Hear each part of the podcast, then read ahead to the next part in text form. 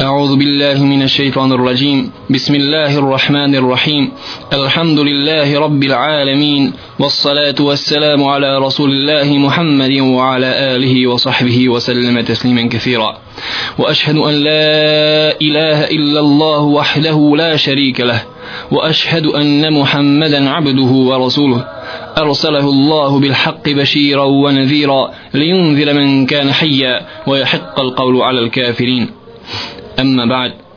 Poštovani slušalci, assalamu alaikum wa rahmatullahi wa barakatuh. Pisac knjige o tevhidu nakon što je objasnio važnost obožavanja Allaha subhanahu wa ta'ala i veliku vrijednost koju uzvišeni Allah obećao onima koji ispune ibadet, ispune svoj cilj dolaska na dunjaluku neophodno je bilo da spomene sada dijelo koje može poništiti potpuno ili umanjiti njegov tevhid, njegov ibadet pa je napisao poglavlje koje govori o strahu od samoga širka. Kaže uzvišeni Allah subhanahu wa ta'ala inna Allah la yagfiru an yushraka bihi wa yagfiru ma duna zalika liman yasha. Doista uzvišeni Allah neće oprostiti da mu se čini širk a oprostit će druge grijehe mimo toga, mimo širka onome kome on to bude htio. Zato da bismo shvatili širk neophodno je da malo više zastanemo na ovome pojmu kako bi ga razumjeli i kako bi shvatili i kako bi se znali čuvati ovoga najvećeg grijeha kojeg čovjek može počiniti. Kao što kaže jedan od ashaba Allahu poslanika sallallahu alaihi wasallam. Ljudi su pitali Allahu poslanika sallallahu alaihi wasallam o dobru o dobrim dijelima koji će činiti. A ja sam ga pitao o zlu ne zbog samog zla nego da bi ga se znao sačuvati. Zato je neophodno da čovjek upozna grije da bi ga se znao čuvati. Shodno tome mi ćemo večeras govoriti o ovome najvećim grijehu o činjenju širka Allahu Jalla še'nu. Širk u jezičkom značenju, u etimološkom značenju znači izjednačavanje. A u šerijaskom širk označava izjednačavanje nekoga od Allahovi stvorenja sa Allahom subhanahu wa ta'ala u stvarima koje pripadaju isključivo Allahu Jalla še'nu. Što znači ako bi izjednačili bilo što od Allahovi stvorenja i stavili to njegovo stvorenje na mjesto Allaha u onim stvarima koje pripadaju isključivo Allahu Đalešenu tada, tada bi čovjek učinio širk Allahu bilo veliki bilo mali. Zato islamski učenjaci govore da širk dolazi u tekstovima Kur'ana i sunneta sa tri značenja prvo od tih značenja kada može doći širk u Kur'anu i sunnetu jeste značenje širka u rububijetu Allahu Đalašanu a to je da čovjek povjeruje i da bude uvjeđen da postoji neko biće ravno Allahu Đalašanu koje može da upravlja sa ovim kosmosom ili da učestvuje zajedno sa Allahom Đalašanu u upravljanju ovim kosmosom ili u vlasti Allahovoj u ovom pojavnom svijetu. Pa ako bi čovjek povjerovao da ima nešto od Allahovi stvorenja, bilo od ljudi ili džina ili nebeskih tijela koji mogu učestvovati zajedno sa Allahom na sudbinu recimo ljudi ili u vlasti Allaha u ovome svijetu onda oni bi na taj način počinili širk Allahu. Kao recimo danas veoma poznata pojava horoskopa gdje ljudi vjeruju čitajući horoskop da određena nebeska tijela zvijezde ili položaj određenih zvijezda ili planeta mogu uticati na čovjekovu sudbinu shodno tome u kojem mjesecu ili pod kojim znakom u horoskopu su se rodili tako da na taj način oni direktno čini širk Allahu Đalešanu jer vjeruju da određena nebeska tijela ili zvijezde u svom određenom mjestu mogu da utiču bitno na sudbinu čovjeka. Zato kažu islamski učenjaci da ovo biva pridruživanje druga Allahu na taj način što se stavljaju nebeska tijela na mjesto Allaha Đalešenu u pravima koji je isključivo samo Allaha Subhanahu wa ta'ala. Ovu vrstu širka učinio je i sam Faraon kada se stavio na mjesto Allaha Đalešenu. Kada je zanijekao Allaha i rekao da je on gospodar nebesa i zemlje, da nas Allah sačuva od toga. Kao što je rekao kako uzvišeni Allah Đalešenu govori o Faraonu kada je rekao Ana rabbukumul a'la ja sam vaš uzvišeni gospodar.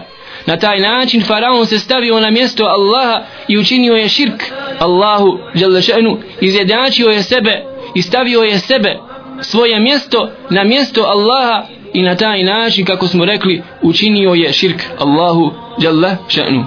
Drugo značenje širka u tekstovima Kur'ana i Sunneta dolazi širk u uluhijetu širk u obožavanju Allaha Đalešenu. A to biva na taj način da neko ima ubjeđenje da može donijeti mu neko korist ili odagnati od njega štetu mimo Allaha Đalešanu ili da uzme posrednika između sebe i Allaha subhanahu wa ta'ala na taj način što će mu ga obožavati ili u isto vrijeme obožavati i njega i Allaha subhanahu wa ta'ala. Kao što je bio, bila stvar sa mušicima u vremenu Muhammeda sallallahu alaihi wa sallam koji su obožavali i Allaha ali su uporedo zajedno u istom vremenu sa Allahom Đalešenu obožavali i kipove i uzeli su te kipove za posrednika između sebe i Allaha pa kada im je uzvi, Allahu poslanik sallallahu alaihi wa sallam došao i pozvao i u la ilaha illallah da svoje obožavanje, svoj ibadet pridaju isključivo Allahu Đalešanu, oni su rekli, ma na'buduhum illa li yuqarribuna ila Allahi zulfa. Mi ne obožavamo njih, ne obožavamo kipove naše, ne obožavamo Lata i Oza i Hubela i ostala mnogobrojna božanstva, mnogobrojne kipove, ni zbog čeg drugog nego da bi nas oni približili Allahu Đalešenu. Zato uzimanje posrednika između sebe i Allaha biva širk na taj način što se izjednačavaju ova druga bića ili stvorenja ili kipovi ili bilo šta drugo izjednačavaju se sa Allahom dželle še'nu. Zato kada je Allahu poslanik sallallahu alaihi wa sallam rekao da je samo jedan Bog, jedno božanstvo koje, se, koje zaslužuje da biva obožavano samo Allah dželle še'nu, oni su se začudili pa su rekli kako kaže uzvišeni Allah اجعل الالهه الها واحده la هذا لشيء zar on je učinio ova mnoga božanstva mnogobrojne naša naše kipove koje mi obožavamo, rekli su mušici, zar je učinio samo jednim bogom? Doista je ovo čudna stvar. Zato, draga braćo, čovjek treba da bude svjestan da može učiniti širk Allahu na taj način što uzme posrednika između sebe i Allaha Đalešenu. I ovo je prisutno među ummetom Muhammeda sallallahu alaihi wa sallam u današnjem vremenu, gdje vi imate, draga braćo i sestre, da ljudi odlaze na kaburove i uzimaju posrednika između sebe i Allaha mrtvi, moli od njih ono što se samo može i smije moliti od Allaha subhanahu wa ta'ala. Zato ako neko uzmi posrednika mimo Allaha i prida mu neku vrstu ibadeta kao što je recimo dova jer dova upućivanje dove ne smije nikom biti osim Allahu.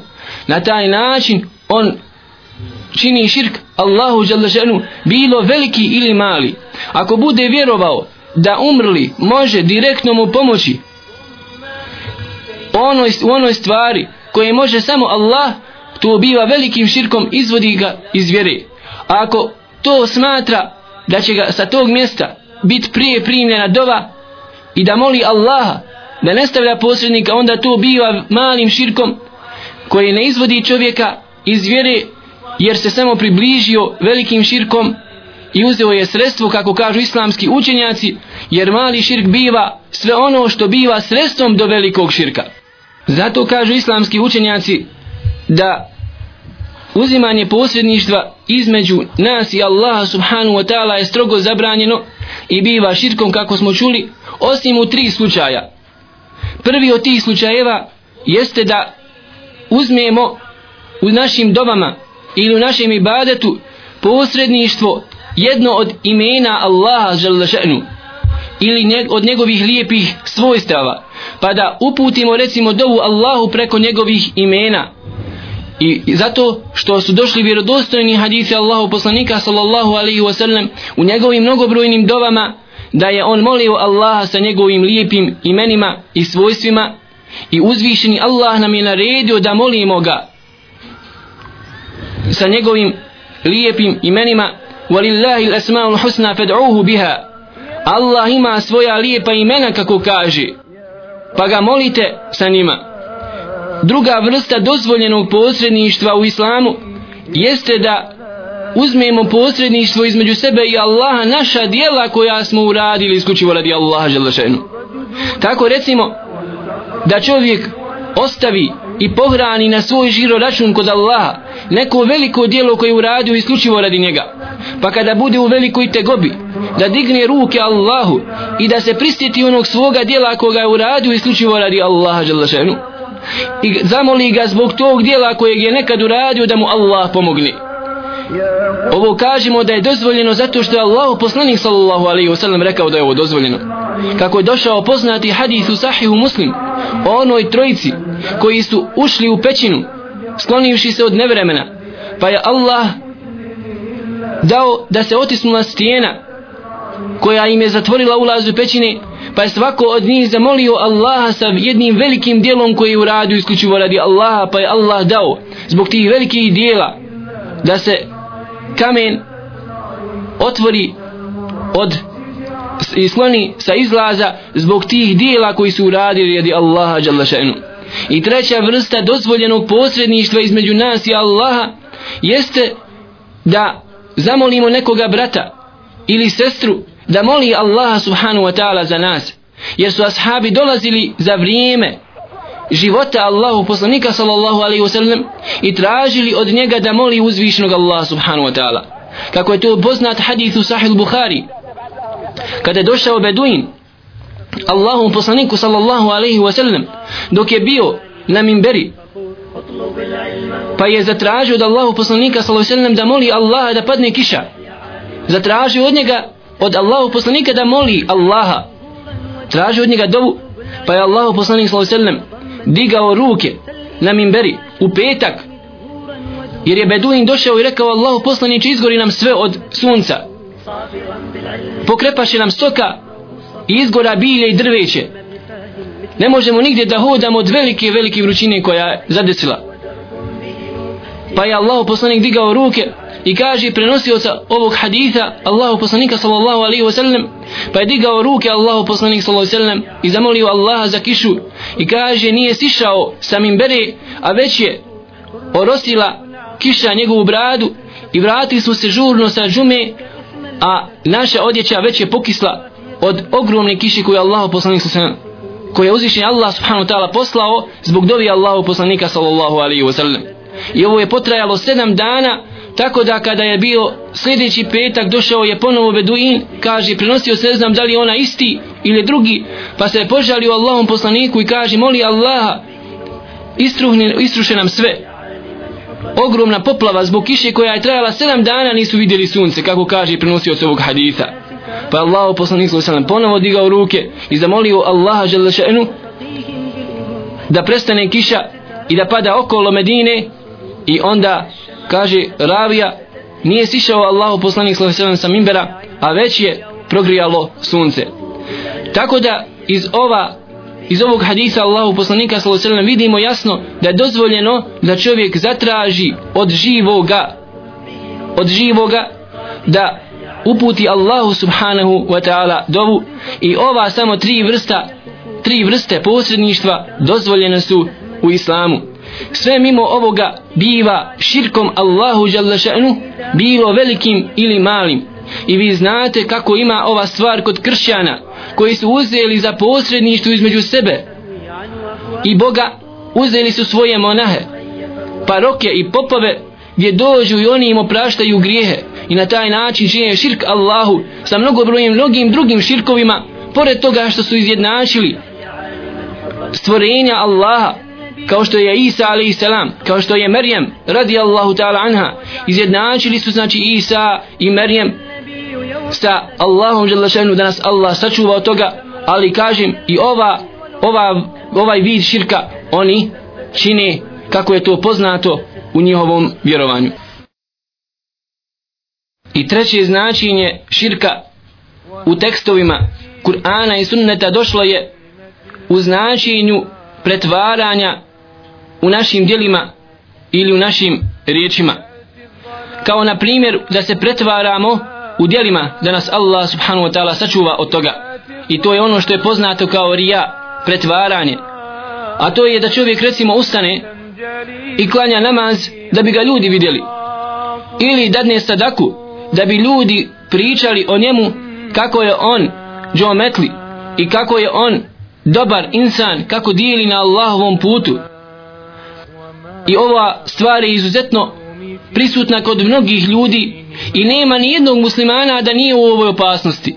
Nema ni jednog vjernika da nije u opasnosti od ovog pretvaranja zato što je Allahu poslanik sallallahu alaihi wasallam nazvao ovu vrstu širka da je to širk hafi, skriveni širk.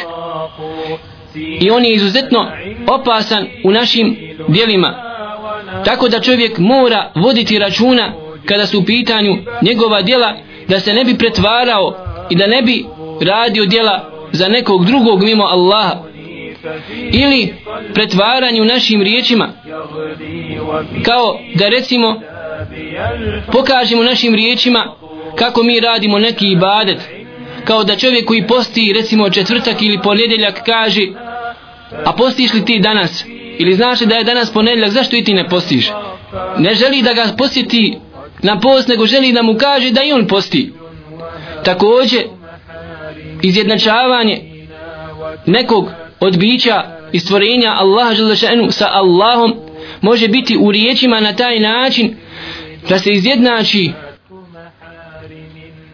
na taj način što će se recimo reći kao što je to poznato kod mnogih ljudi da ne bi Allaha ili da nije bilo Allaha i doktora recimo.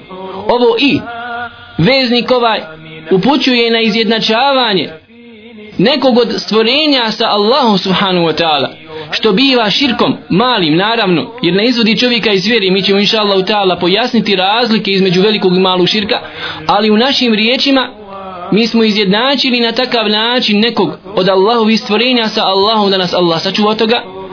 Pa tako neophodno je da napravimo jednu stepenicu i da spustimo stvorenja ispod nivoa Allaha želešanu i da kažemo da nije bilo Allaha zatim doktora. Ili da samo još bolje da kažemo da nije bilo samo Allaha. Ovako draga braćo i sestre uzvišeni Allah subhanahu wa ta'ala hoće da bude jedan i jedini i da se samo on obožava i da se njegovo pravo poštuje i da se niko u njegovom pravu ne smije pridružiti njemu to je ono što uzvišeni Allah subhanahu wa ta'ala hoće od svojih robova nakon što im je naredio da svoje obožavanje isključivo pridaju u kome? Samo njemu, Allahu gospodaru nebesa i zemlje. Rekao je uzvišeni Allah jalla še'nu Inna Allah la yagfiru an yushrake bihi wa yagfiru ma dune zalika liman yasha.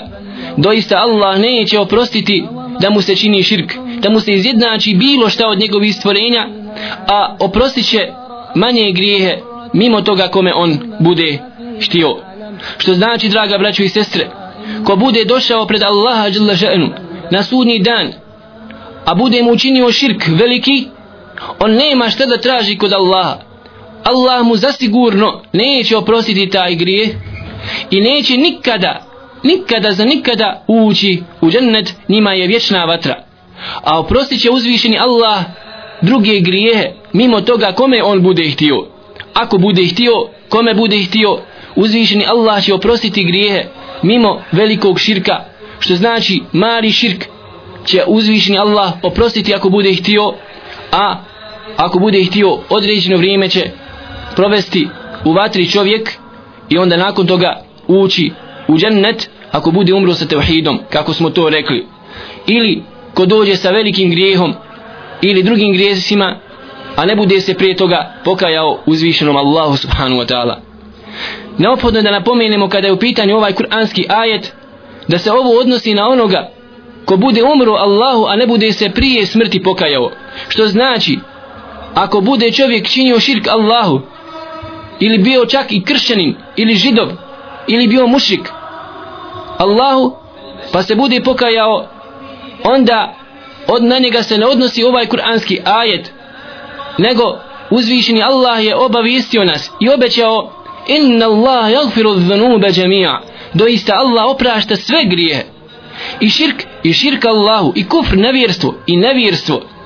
Zato draga braćo ko se bude pokajao od nevjernika Allahu prije nego što bude mu duša zakrkljala u grlu Allah subhanahu wa ta'ala prašta taj grijeh kaže uzvišeni Allah dželle še'nu kada govori o Ibrahimu alaihi selam kako je on upućivao njemu dobu? Koliko se on Ibrahim koji je simbol tevhida simbol monoteizma čistog ispovjedanja Allahu jalla vjere koliko se on bojao od širka? Pa je molio Allaha wajnubni wa baniyya an na'budu al-asnam zaštiti mene udalji mene i moje potomstvo od toga da obožavamo kipove. Zato draga braćo neophodno je da se čovjek boji od širka i da pazi na to da ne izjednači bilo šta od njegovih stvorenja sa njime Allahom šanu, jer ako je Ibrahim a.s. bojao se od širka bojao se od toga da ne bi obožavao nekoga drugog mimo Allaha šta je tek sa nama? Pogledajte ashaba radijallahu ta'ala anhum koja je najbolja generacija koji je uzvišeni Allah pohvalio u Kur'anu pogledajte šta za njih kaže jedan od tabiina Ibn Abi Mulejke أدركت ثلاثين من أصحاب النبي صلى الله عليه وسلم كلهم يخاف النفاق على نفسه كاج ovaj tabiin susreo sam 30 od ashaba Allahu poslanika sallallahu alaihi wasallam svi oni do jednog su se bojali nifaka bojili, bojali su se licemjerja u svojim srcima pa ako oni ashabi Allahu poslanika sallallahu alaihi wasallam bojali su se licemjerja i bojali se grijeha a nema sumnju da je najveći grije širk Allahu subhanahu wa ta'ala i da su ga se najviše bojali šta je tek sa nama?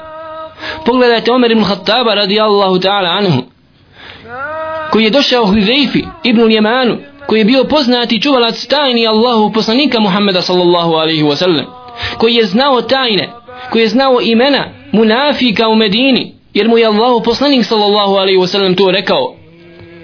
Međutim Omer kome je obećan džennet kome je zagarantovan džennet prema riječima Allahu poslanika sallallahu alaihi wasallam dolazi kod Huzeife i kaže tako ti Allah da li me je Allahu poslanik spomenuo među munaficima?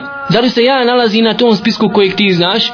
Pa je rekao Hudejfe radijallahu ta'ala anhu nije i nikad više nikom reću reći mimo tebe mimo tebi jeste draga braćo ovako su bili ashabi Allahu poslanika sallallahu alaihi wasallam. Bojali su se za grijehe bojali su se od nifaka licemerja. Bojali su se od širka Allahu šanu, koji je najveći grijeh koji čovjek može počiniti njemu.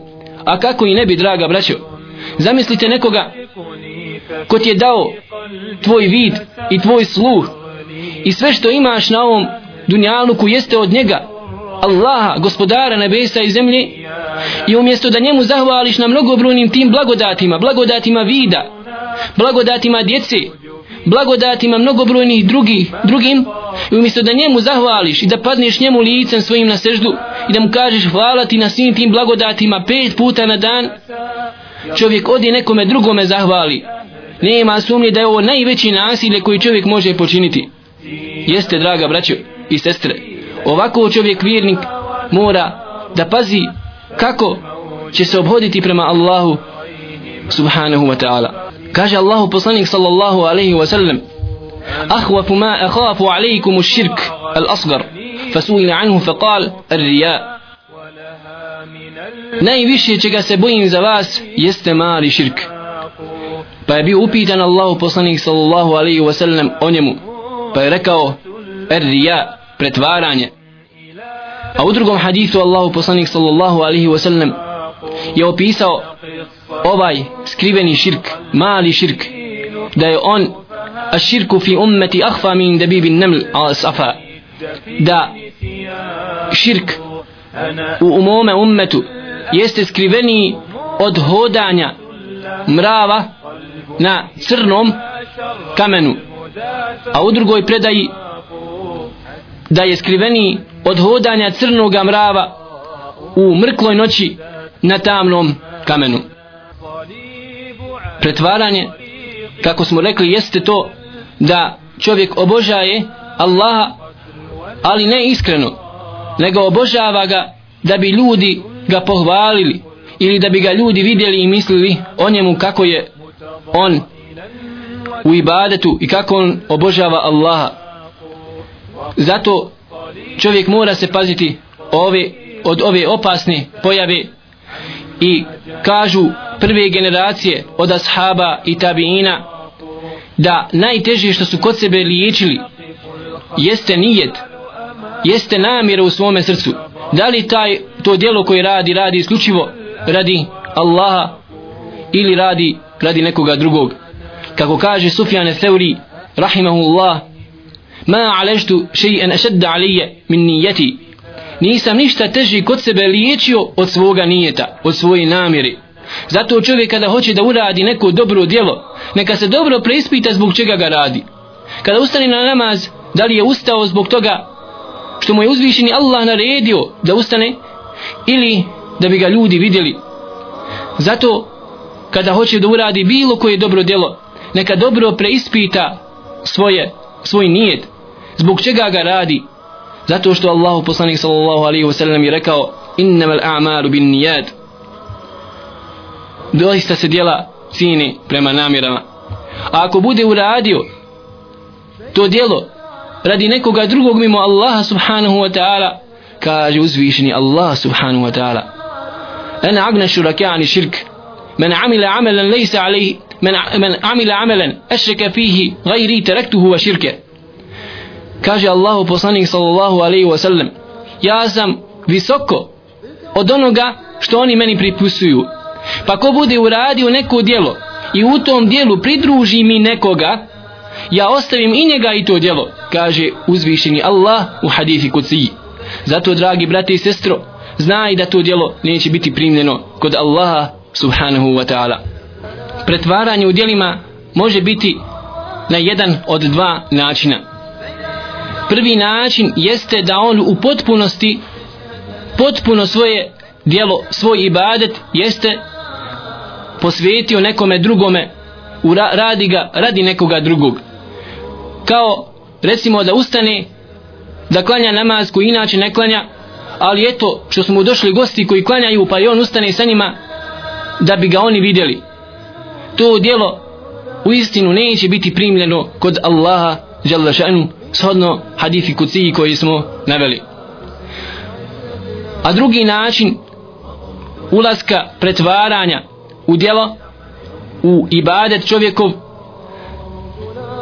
biva na taj način što mu se pojavi recimo u srcu da se pretvara. Međutim on se počne boriti sa tim i odagna to od sebe. Ovo ništa ne škodi našem ibadetu kao recimo kada bi čovjek ustao da klanja namaz i na drugom rekatu dođu ljudi u mezid i on malo oduži ruko i onda se prisjeti da je to pretvaranje da nije dozvoljeno i da takvo djelo Allah ne prima i onda brzo od sebe odagna to tako ovo ne škodi zato što se bori protiv toga. Međutim ako bi se dopustio i prepustio ovom pretvaranju i nastavi uljepšavati svoj ruku i svoj kijam svoje stajanje u namazu i poveća svoju skrušenost da bi oni koji su došli u mezđid da bi oni koji su došli u džamiju vide kako on maša Allah te Allah stoji u namazu skrušeno obožava Allaha a u stvari se pretvara zbog njih da bi oni o njemu nešto lijepo mislili. Onda ovakvo djelo što se tiče primanja kod Allaha može biti na jedan od dva načina ako je ibadet cijelina jedna od čije ispravnosti od čije kraja ako bude kraj pokvaren potpuno dijelo biva poništeno onda to dijelo ne biva primljeno, primljeno. kao recimo da se čovjek počne pretvarati u trećem ili četvrtom rekiatu onda takvo djelo biva potpuno uništeno i poništeno kod Allaha ili recimo da se desi da njegov ibadet nije cjelokupan odnosno nije cijelina jedna. Kao recimo da udijeli 50 maraka radi Allaha iskreno i onda dođe neko kod njega sjedne i onda onda bi pokazao ljudima kako je on čovjek koji dijeli na Allahom putu izvadi drugi 50 maraka i udijeli e oni prvi 50 prima se kod Allaha a ovi drugi se ne prima zato što ova ibadet ovo dijelo nije jedna cijelina i ne zavisi ispravnost druga od prve niti prva od druge jeste draga braćo i sestre čovjek mora voditi računa o svome nijetu da bude njegov ibadet isključivo radi Allaha šanu.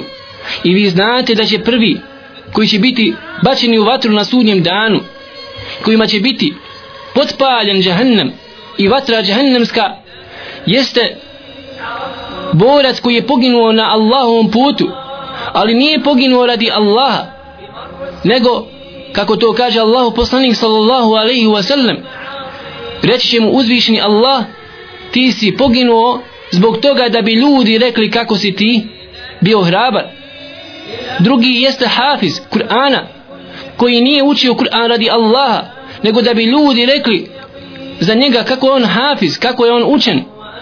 I treći onaj koji je dijelio ali nije dijelio radi Allaha nego je dijelio i udjeljivao imetak radi toga da bi ljudi u njegovom selu ili u gradu rekli kako on maša Allah dijeli i kako je džometli čovjek. Zato uzvišeni Allah subhanahu wa ta'ala hoće od svojih robova da svoje ibadete čine isključivo radi njega. Allaha žele še'nu. Pogledajte hadith Allahu poslanika sallallahu alaihi wa sallam gdje kaže da je jedan od prijašnjih naroda odlučio da uradi dijelo isključivo radi Allaha da ga niko ne vidi osim Allah tako da je jedne noći izašao iz svoje kuće i pripremio pare u zavežljaj i odlučio na prvo koga naiđe da će mu dati i pobjeći od njega. Tako da onaj kome udijeli ne zna komu je udijelio i na prvu osobu koju je na koju je naišao tutnuo je brzo i dao joj pare taj zavežaj i pobjegao od nje. I sutradan izašao na pijacu u čaršiju da vidi šta se priča. Kad pričaju ljudi znate li šta se desilo sinoć? Izašao čovjek i udijelio na poznatog kradljivca u gradu. I pomisli ovaj čovjek u sebi kaže nije Allah primio moju sadaku. I odluči to uraditi drugu noć. Isto to uradi kao što je uradio prethodne noći. Na prvo koga je naišao onaj zavežljaj sa novcem dadne brzo i pobjegne. Kad izađe sutradan na pijacu kad ljudi pričaju znate li šta se desilo sinoć? Izašao neko i naišao na poznatu bludnicu u gradu koja je krenula da čini blud i neko joj udijelio toliko i toliko para.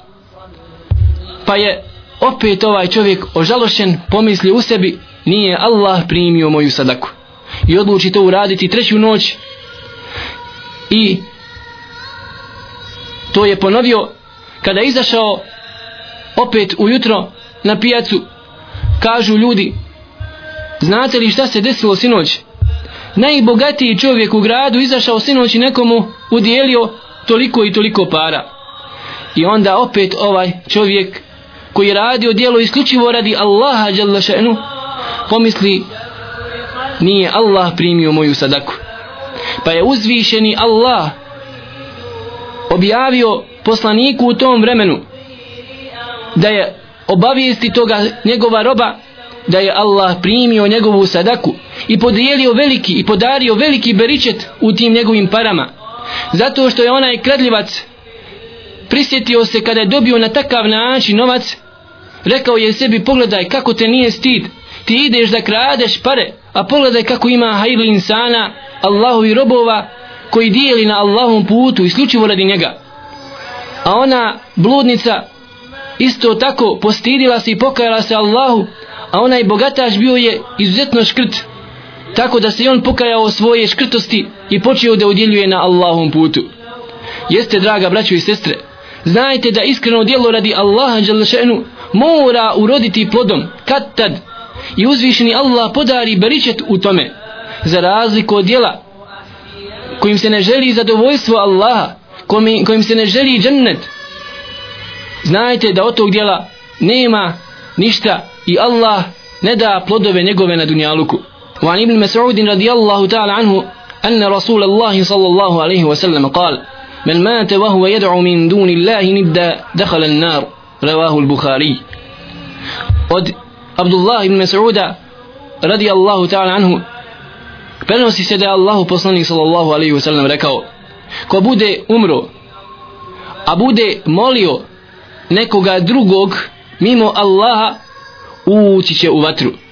Ovaj hadid bilježi imam i Bukharija zato draga braćo i sestre nije dozvoljeno pridavati bilo koju vrstu ibadeta bilo kome mimo Allaha žele še'nu قل إن صلاتي ونسكي ومحياي ومماتي لله رب العالمين لا شريك له الله naredio Muhammedu sallallahu alaihi wa sallam i usto naredio i ummetu njegovom da kažu da naš namaz moj namaz i svo moje obredoslovlje i moja, moj život i moja smrt pripadaju samo Allahu gospodaru nebesa i zemlje gospodaru svih svjetova zato kažu islamski učenjaci da ko bude uradio i pridao bilo koju vrstu ibadeta on milo kome drugome mimo Allahu čini veliki širk širk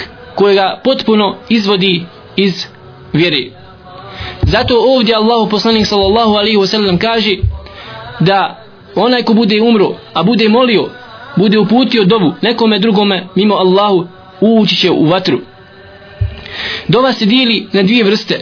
Dova koja označava ibadet a to je recimo namaz ili post ili neka, neke druge vrste ibadeta.